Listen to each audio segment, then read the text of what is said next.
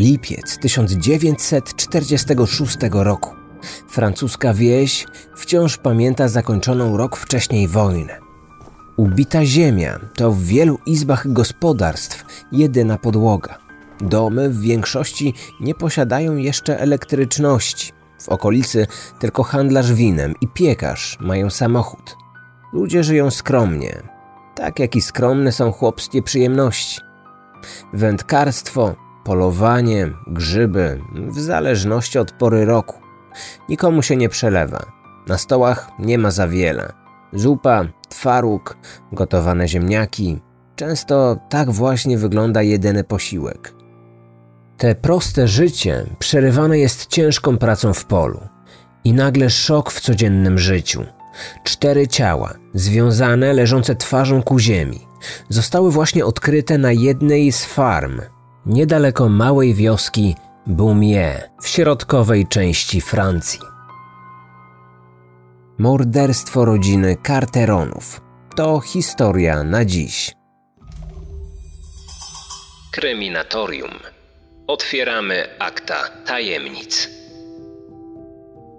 Do zabójstwa skromnej chłopskiej rodziny doszło rok po zakończeniu II wojny światowej. We Francji, rozliczającej się właśnie ze swoją przeszłością, między innymi z kolaboracją rządów Vichy z władzami hitlerowskich Niemiec. Członkowie francuskiego ruchu oporu, którzy z nimi walczyli, piastowali w powojennej Francji eksponowane stanowiska i cieszyli się ogromnym prestiżem. Francja podnosiła się ze zniszczeń. Na jej terytorium funkcjonowało wiele obozów, w których przetrzymywani byli niemieccy jeńcy wojenni. Społeczeństwo francuskie było rozdarte.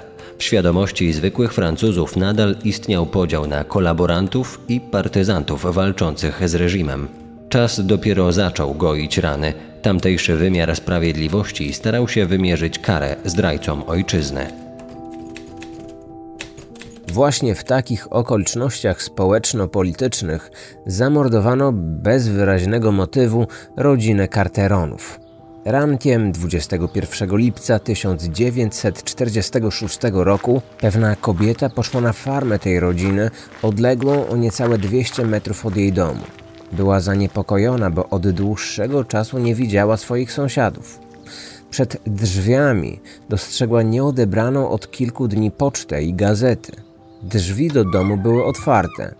Po wejściu do środka ujrzała stojący w sieni dzbanek mleka, dostarczony przez okolicznego mleczarza. W pokoju obok panował porządek. Jej uwagę zwróciła jednak wybita szyba w drzwiach do graniczącej z sienią komórki. Kiedy otworzyła do niej drzwi, poczuła okropny zapach. Kobieta pomyślała, że przypominał on smród rozkładających się zwłok. I miała rację. W środku znalazła nie jedno, ale cztery ciała. Gospodarz, jego żona i dwójka dzieci leżeli na ziemi, ułożeni w krąg. Wszyscy mieli związane i przywiązane do stóp ręce. Przerażona sąsiadka wybiegła z domu, aby o tym makabrycznym odkryciu opowiedzieć swojemu mężowi. Mężczyzna natychmiast pobiegł do pobliskiego miasteczka powiadomić o wszystkim burmistrza. Ten natomiast wezwał żandarmów. Przybyli na miejsce funkcjonariusze stwierdzili, że sprawca lub sprawcy dostali się do komórki wybijając szybę w drzwiach. W tym czasie rodzina jadła obiad. Zaniepokojony hałasem gospodarz pobiegł do pomieszczenia. O pośpiechu, w jakim to uczynił, świadczyły pozostawione pod stołem sandały. Sprawcy związali jego i resztę rodziny, układając ich w kole. Przeszukania domu pozwoliły żandarmom ustalić następujące okoliczności zdarzeń. Po włamaniu się i skrępowaniu mieszkańców zabójca lub zabójcy przetrząsnęli całe domostwo. Pokój na dole nie miał oznak splądrowania, natomiast pomieszczenie na górze przedstawiał obraz totalnego bałaganu. Otwarta szafa, powyciągane z niej szuflady, ubrania walające się po podłodze, opróżniona z zawartości komoda – na małym stoliku zauważyliśmy puste pudełko po komplecie sztućców. Jak się później okazało, nie były ani srebrne, ani nawet posrebrzane. Pospolite, wykonane z metalu, a i tak je zabrali. Według wstępnych oględzin Rodzinę farmerów zabito strzałem w tył głowy, najpewniej z pistoletu lub karabinu maszynowego. Na ich ciałach nie było widać oznak jakichkolwiek tortur. Ta sprawa przerastała kompetencje i doświadczenie prowincjonalnych żandarmów. Powiadomili swoich zwierzchników. Śledztwo powierzono inspektorowi Daru, doświadczonemu w swoim fachu funkcjonariuszowi policji. Niestety, jego przeszłość wiązała się z pracą w policji pod rządami Vichy, kolaborującej z niemieckim okupantem. To duże obciążenie będzie miało niewątpliwy wpływ na prowadzone przez niego śledztwo. Inspektor stwierdził, że napastnik lub napastnicy najpierw zastrzelili leżącego w swoim legowisku psa. Może on pierwszy poczuł zagrożenie, może zaczął szczekać lub próbował bronić swojego pana. Na miejscu zbrodni znaleziono sześć łusek, które przekazano do badania lokalnemu biegłemu, który z zawodu był zwykłym kowalem. W swojej, nazwijmy to, ekspertyzie uznał, że pochodzą z pistoletu kaliber 9 mm. Morderstwo na tle rabunkowym? Hmm, hipoteza kradzieży wydawała się nieprawdopodobna, ponieważ sytuacja finansowa tej rodziny była ogólnie znana. Nie byli bogaci, nie mieli niczego, co można byłoby im chcieć ukraść. Kto mordowałby wszystkich domowników dla kilku noży i łyżek z nieszlachetnego metalu? Nic poza tym nie zginęło, a ciała ofiar nie nosiły oznak tortur lub jakichkolwiek innych obrażeń sugerujących, że ci ludzie stawiali opór. Inspektor miał doprawdy trudne zadanie. Praktycznie żadnych poszlak, żadnych świadków, brak motywu. Musiał znaleźć w tej zagadce jakieś sensowne wytłumaczenie. Na trop ewentualnego mordercy naprowadziło zeznanie jednej z sąsiadek.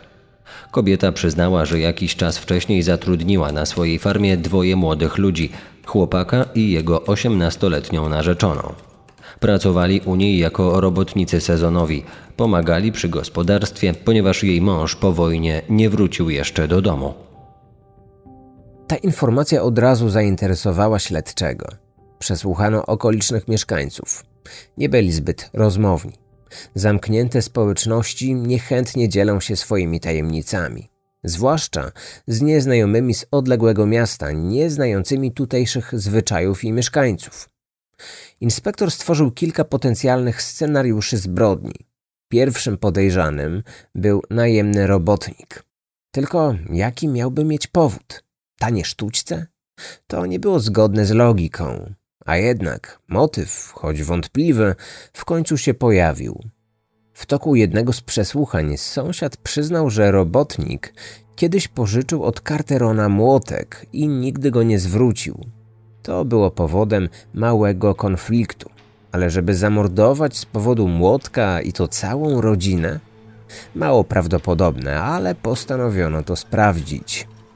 Szybko ustaliliśmy, że robotnik był dezerterem z armii francuskiej. Mężczyzna znalazł schronienie i pracę na sąsiadującym z farmą zamordowanych gospodarstwie.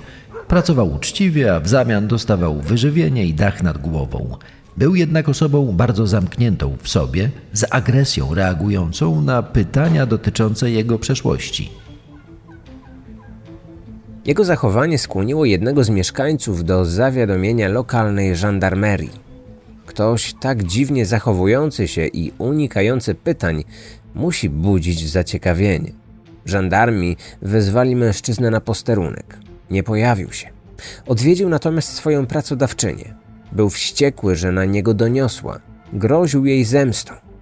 Żandarmi zatrzymali go w odległości kilku kilometrów od gospodarstwa. Czekał ze swoją dziewczyną na autobus.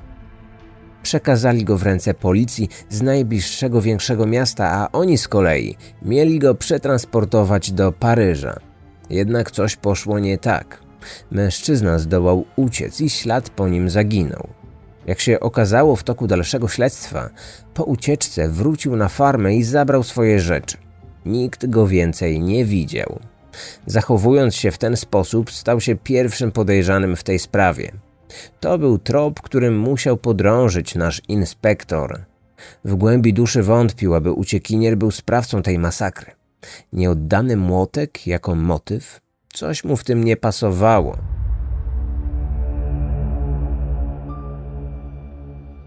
Rozpoczęto poszukiwania zbiega. Nie były to jednak czasy, w których pozyskanie informacji następowało z dnia na dzień. Nie było internetu czy telefonii komórkowej. Obowiązywały natomiast czasochłonne, biurokratyczne procedury. Inspektor był jedyną osobą wytrwałą w dążeniu do celu. Po pewnym czasie udało mu się ustalić miejsce pobytu narzeczonej dezertera. Okazało się, że mieszkała w Paryżu. Do jej mieszkania udało się dwóch funkcjonariuszy. Chcieli zadać jej kilka pytań dotyczących jej związku z podejrzanym, dlatego złożyli jej wizytę. Widok inspektorów nie zaniepokoił dziewczyny. Zaprosiła ich do środka i bez żadnych oporów opowiedziała im o swojej znajomości z poszukiwanym. Wyznała, że zakończyła z nim związek zaraz po tym, jak uciekli policji. Miała dość takiego życia, ciągłej zmiany miejsca pobytu, podejmowania się przypadkowych prac. Marzyła o stabilizacji i założeniu rodziny. Przyjechała więc do Paryża, aby rozpocząć normalne życie. Policjanci zapytali, czy wie, gdzie aktualnie przebywa jej były narzeczony. A może domyśla się, z kim mógłby chcieć się skontaktować. Jej odpowiedź dostarczyła policji cenną wskazówkę. Kobieta pamiętała, że uciekinier zawsze utrzymywał bliskie stosunki ze swoją matką. Dziewczyna podała policjantom adres zamieszkania jego matki. Wszystkie uzyskane informacje trafiły na biurko inspektora. Powoli, z niczym niepowiązanych ze sobą fragmentów sprawy, zaczął się układać jakiś obraz, a raczej przebieg zdarzeń, które doprowadziły do zbrodni. Zaledwie kontura, ale to i tak był już jakiś postęp. Zastanówmy się nad tym przez chwilę. Dezerter znajduje pracę na farmie położonej w pobliżu gospodarstwa Carteronów. Jest małomówny, skrywa w sobie jakąś tajemnicę. W rzeczywistości jest dezerterem. Dochodzi między nim a zamordowanym do kilku kłótni o pożyczony i nieoddany młotek. W trakcie jednej z tych sprzeczek chłopak morduje całą rodzinę. W międzyczasie sąsiad zgłasza żandarmom podejrzane zachowanie chłopaka. W zakamarkach umysłu inspektora cały ten scenariusz wydawał się mocno naciągany. Czy naprawdę może chodzić tylko o ten młotek? Czy ktokolwiek byłby w stanie zabić z zimną krwią cztery osoby z tak błahego powodu? Z drugiej strony, ucieczka i ukrywanie się przed policją wskazują, że ten gość ma coś na sumieniu. Inspektor postanowił wyjaśnić te kwestie do końca. Miał nadzieję, że w rozwiązaniu zagadki pomoże im matka poszukiwanego. Kobieta przyznała, że od dawna nie widziała swojego syna i marzy o tym, aby zobaczyć go raz jeszcze przed własną śmiercią. Zawsze dawał jej znać o sobie, żeby chociaż w ten sposób uspokajać ją co do swojego losu. Zapytana o to, czy ostatnio kontaktował się z nią, staruszka nagle się ożywiła. Wyraźnie podekscytowana, energicznie wstała z fotela i podeszła do pozbawionej w niektórych miejscach lakieru komutki. Z jednej szuflad, do której od dawna brakowało już kluczyka, wyciągnęła plik związanych różową wstążką listów. Były to wszystkie wiadomości, które syn do niej napisał, a które niczym Biblię czytała każdego wieczoru. Wyjęła jeden znajdujący się na wierzchu list i wręczyła go policjantowi. Z jego treści wynikało, że poszukiwany mężczyzna od dłuższego czasu przebywa poza granicami Francji. Zaraz po ucieczce zaciągnął się do francuskiej legii cudzoziemskiej. Musieliśmy się zatem skontaktować z dowództwem jednostki, w której obecnie służył. Nie było to trudne zadanie. Ustalono, że stacjonuje ona w Algierii. Inspektor wysłał telegram do szefa tamtejszej policji. Zanim to jednak uczynił, przeanalizował wszystkie elementy sprawy. Uświadomił sobie, że podejrzany znał zamordowanych i wszedł w konflikt z głową rodziny. Jednak nikt nigdy nie sprawdził, czy w dniu zabójstwa rzeczywiście tam przebywał. A może jego ucieczka miała miejsce wcześniej, zanim jeszcze doszło do tej makabrycznej zbrodni. Zwrócili się więc z pytaniem, czy 21 lipca 1946 roku poszukiwany przebywał w swojej jednostce. Dowództwo potwierdziło, że w dniu popełnienia zbrodni mężczyzna pełnił służbę na terenie jednostki. Miał żelazne alibi. Nie mógł być zatem mordercą.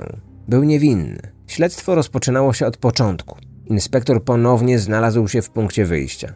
Z czterema martwymi ciałami i brakiem jakichkolwiek dowodów. W jego głowie zrodziła się myśl, a może to Niemcy byli odpowiedzialni za zabójstwo. Przecież łuski znalezione na miejscu zbrodni pochodziły z pistoletu Mauser, broni, którą posługiwali się niemieccy żołnierze. Hipoteza całkiem realna. W tym okresie na terytorium Francji istniało wiele obozów, w których przetrzymywano niemieckich jeńców wojennych. Wojna się skończyła, a nadzór nad nimi uległ rozluźnieniu. Wielu z nich uciekało, starając się samemu wrócić do domu, nie czekając na deportację. W trakcie drogi powrotnej część z nich dokonywała grabieży. Za taką wersją wydarzeń przemawiał także sposób zabójstwa. Strzał w tył głowy, fachowo wykonana egzekucja, niemal z żołnierską precyzją. Wstępną hipotezę inspektor uznał wkrótce za ostateczną wersję wypadków. To musieli być niemieccy uciekinierzy. W takim duchu sporządził raport dla swoich przełożonych. Jednak na poparcie swojej tezy nie miał absolutnie żadnych dowodów.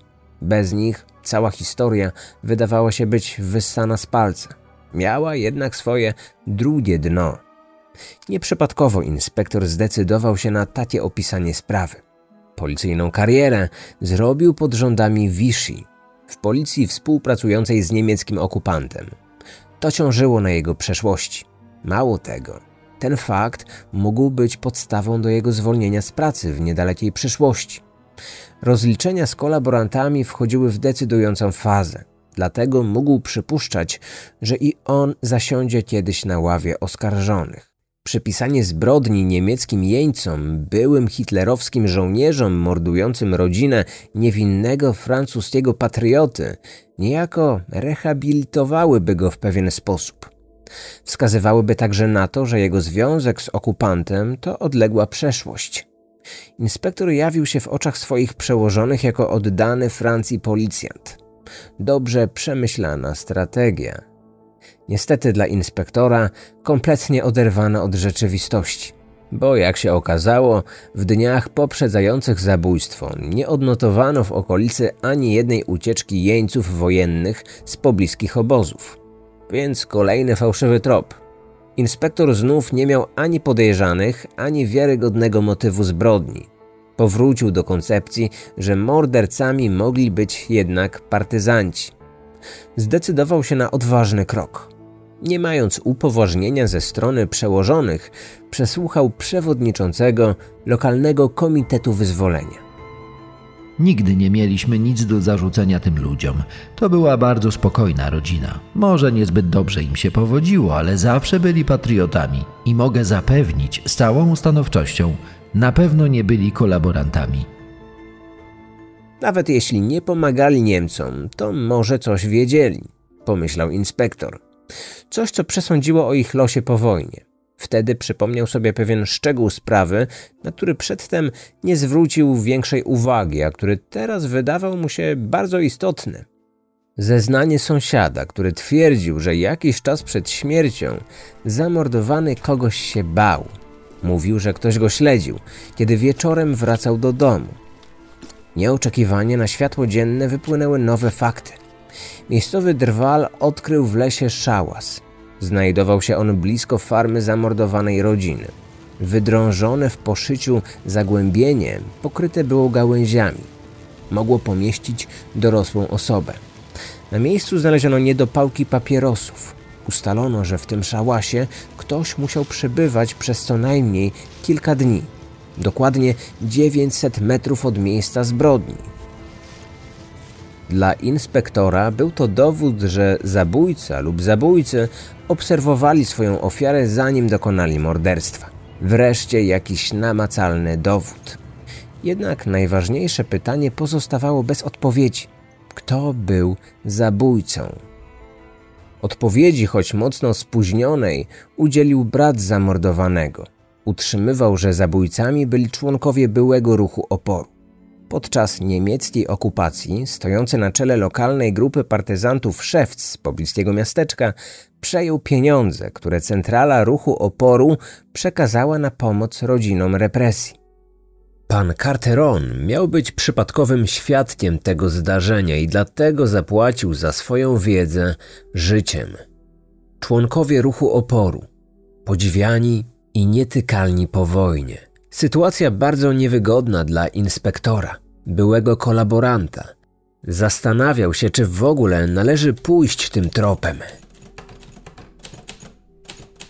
Po wojnie dochodziło we Francji do rozliczeń pomiędzy dawnymi kolaborantami i byłymi partyzantami. Obie strony oskarżały się nawzajem, zarzucając sobie niekiedy wyimaginowane zbrodnie. Motywem tych oskarżeń były często osobiste animozje sięgające jeszcze lat przedwojennych. Wyzwolenie dało niektórym możliwość wyrównania dawnych krzywd pod pozorem fikcyjnych zdarzeń. Jednak inspektor nie mógł całkowicie pominąć takiej wersji wypadków. Poza tym nie miał innego tropu. Ale przesłuchiwany przez niego szewc zaprzeczył, jakoby miał jakikolwiek związek z tym zabójstwem. Owszem, był wtedy członkiem grupy partyzantów, ale podlegał bezpośrednio kapitanowi o pseudonimie Jacques. Podkreślił jednocześnie, że był w lokalnym komitecie wyzwolenia, dając tym samym do zrozumienia, że jest wielce szanowanym obywatelem, mającym wybitne zasługi dla kraju. Rzeczywiście tak było. Dodatkowo dobrze mu się powodziło, ale przecież nie czyniło to z niego mordercy. Choć budził zazdrość z powodu dobrej sytuacji materialnej, to był zarazem wielkim patriotą, który walczył za wolność ojczyzny. Podważanie jego heroicznego życiorysu mogłoby się okazać fatalne w skutkach dla inspektora, a tego przecież nie chciał. Co innego, gdyby jego własny życiorys był bez zarzutu. Dla świętego spokoju zapytał więc szewca, co ten robił w dzień zbrodni. Wtedy okazało się, że przesłuchiwany mężczyzna nie miał żadnego alibi. Inspektor nigdy nie przesłuchał kapitana, o którym wspomniał szewc. Nie próbował także szukać innych świadków spośród pozostałych członków ruchu oporu, aby dowiedzieć się czegoś więcej. Miał świadomość, że ta sprawa może sięgać wysoko, a przecież nie chciał się nikomu narażać. W kwietniu 1947 roku przygotował ostatni raport dla przełożonych i tymczasowo zamknął sprawę. Nie znalazł ani motywu, ani sprawcy. Jednak cała sprawa na tym się nie zakończyła. Kiedy zamykał swój raport, doszło do administracyjnej reorganizacji w strukturach policji. Przydzielono mu inny rejon, a jego miejsce zajął młody, 29-letni inspektor. Ta sprawa od razu wzbudziła jego zainteresowanie. Nieobciążony bagażem współpracy z okupantem, z energią, wznowił niedokończone przez poprzednika śledztwa. Fakt, że podejrzanymi mogli być członkowie dawnego ruchu oporu, nie robił na nim najmniejszego wrażenia. Przesłuchał wszystkich świadków ponownie. Doszedł do wniosku, że zamordowany mężczyzna był świadkiem nocnego zrzutu na spadochronie pieniędzy, które były przeznaczone dla partyzantów. Wtedy został przez nich zauważony. Grupa dowodzona przez kapitana, w skład której wchodził także szewc, przywłaszczyła sobie te środki. Dlatego rolnik został zamordowany, ale nie przez szewca, lecz osobiście przez kapitana. Inspektor dokładnie zbadał jego teczkę. Wszystkie próby młodego inspektora zmierzające do definitywnego wyjaśnienia sprawy były natychmiast paraliżowane przez jego zwierzchników. Nikt nie był zainteresowany znalezieniem sprawców i motywu. Rozgrzebywanie niechlubnej przeszłości grupy lokalnych partyzantów nie leżało w niczyim interesie. Według jednego z francuskich dziennikarzy badających tę sprawę, Carteronowie zostali zabici przez trójkę bojowników ruchu oporu. Tych samych, którzy, jak się później okazało, dokonali egzekucji byłego posła kolaboracyjnego rządu Vichy. W obu przypadkach użyto tej samej broni. Za drugim razem prawdopodobnie działali na zlecenie polityczne. Mocodawcom zależało na zatuszowaniu całej sprawy i to im się udało. Jeden z członków grupy partyzanckiej odpowiedzialnej, jak się wydaje, za te zbrodnie, popełnił samobójstwo w wieku 71 lat. Czyżby miał wyrzuty sumienia? Sprawę należy rozpatrywać w kontekście wojennych losów kraju. Francuzi, decydując się na współpracę z Hitlerem, zachowali skrawek wolnego terytorium, tzw. Tak państwo Vichy, a także swoje kolonie i flotę. Kiedy II wojna światowa się skończyła, rozpoczęło się rozliczanie kolaborantów. Część z nich padła ofiarami samosądów dokonanych przez ruch oporu. Wspomina się o w miarę wiarygodnej liczbie 10 tysięcy przeprowadzonych egzekucji. Do osądzenia pozostałych powoływano sądy specjalne. Wydały one łącznie 1071 wyroków śmierci. Kilka tysięcy osób skazano na śmierć zaocznie, jednakże większości tych wyroków nigdy nie wykonano. Na kary więzienia skazano blisko 40 tysięcy ludzi, w tym ponad 2 tysiące na dożywotni pobyt za kratami. Większość więźniów zaczęła wychodzić na wolność już w latach 50. Nierozwiązana od lipca 1946 roku sprawa zamordowania rodziny farmerów dekadę później nie budziła już zainteresowania władz. Była zbyt niewygodna politycznie. Mogła budzić śpiące demony i zaprzepaścić karierę niejednego komisarza, prokuratora, sędziego czy polityka. Wydaje się, że wielu ludziom zależało na jej definitywnym zamknięciu. No, może z wyjątkiem prowadzącego sprawę inspektora, ale on miał w tej sytuacji najmniej do powiedzenia. Kapitan działając w partyzantce został zdekonspirowany i aresztowany przez gestapo, ale wkrótce odzyskał wolność. Nieprawdopodobne. Nie wiadomo jak do tego doszło. Czy wyzwolili go alianci, a może to Niemcy go wypuścili, a jeśli tak, to dlaczego? Odkryłem też inspirujący szczegół. Ponowne badanie łusek wykazało, że pochodziły one z broni znalezionej w domu kapitana. Przez dziesięciolecia nazwiska możliwych zabójców krążyły w policyjnych raportach i zeznaniach świadków, ale czas wymazał po sprawcach wszelkie ślady. Prawda umarła, plotki ucichły, bez żadnej nadziei na pozytywne zakończenie tego celowego, zepsutego śledztwa. Odcinek powstał na podstawie książek Historia Francji autorstwa Jana Baszkiewicza i Egzekucja zagadkowa sprawa morderstwa chłopskiej rodziny autorstwa Jeana François Doniego oraz francuskich i angielskich artykułów prasowych poświęconych temu morderstwu. Wykorzystano także informacje zawarte w artykule Państwo Vichy, geneza, armia, polityka, znaczenie, wyzwolenie, opublikowanego w serwisie internetowym Kroniki Dziejów.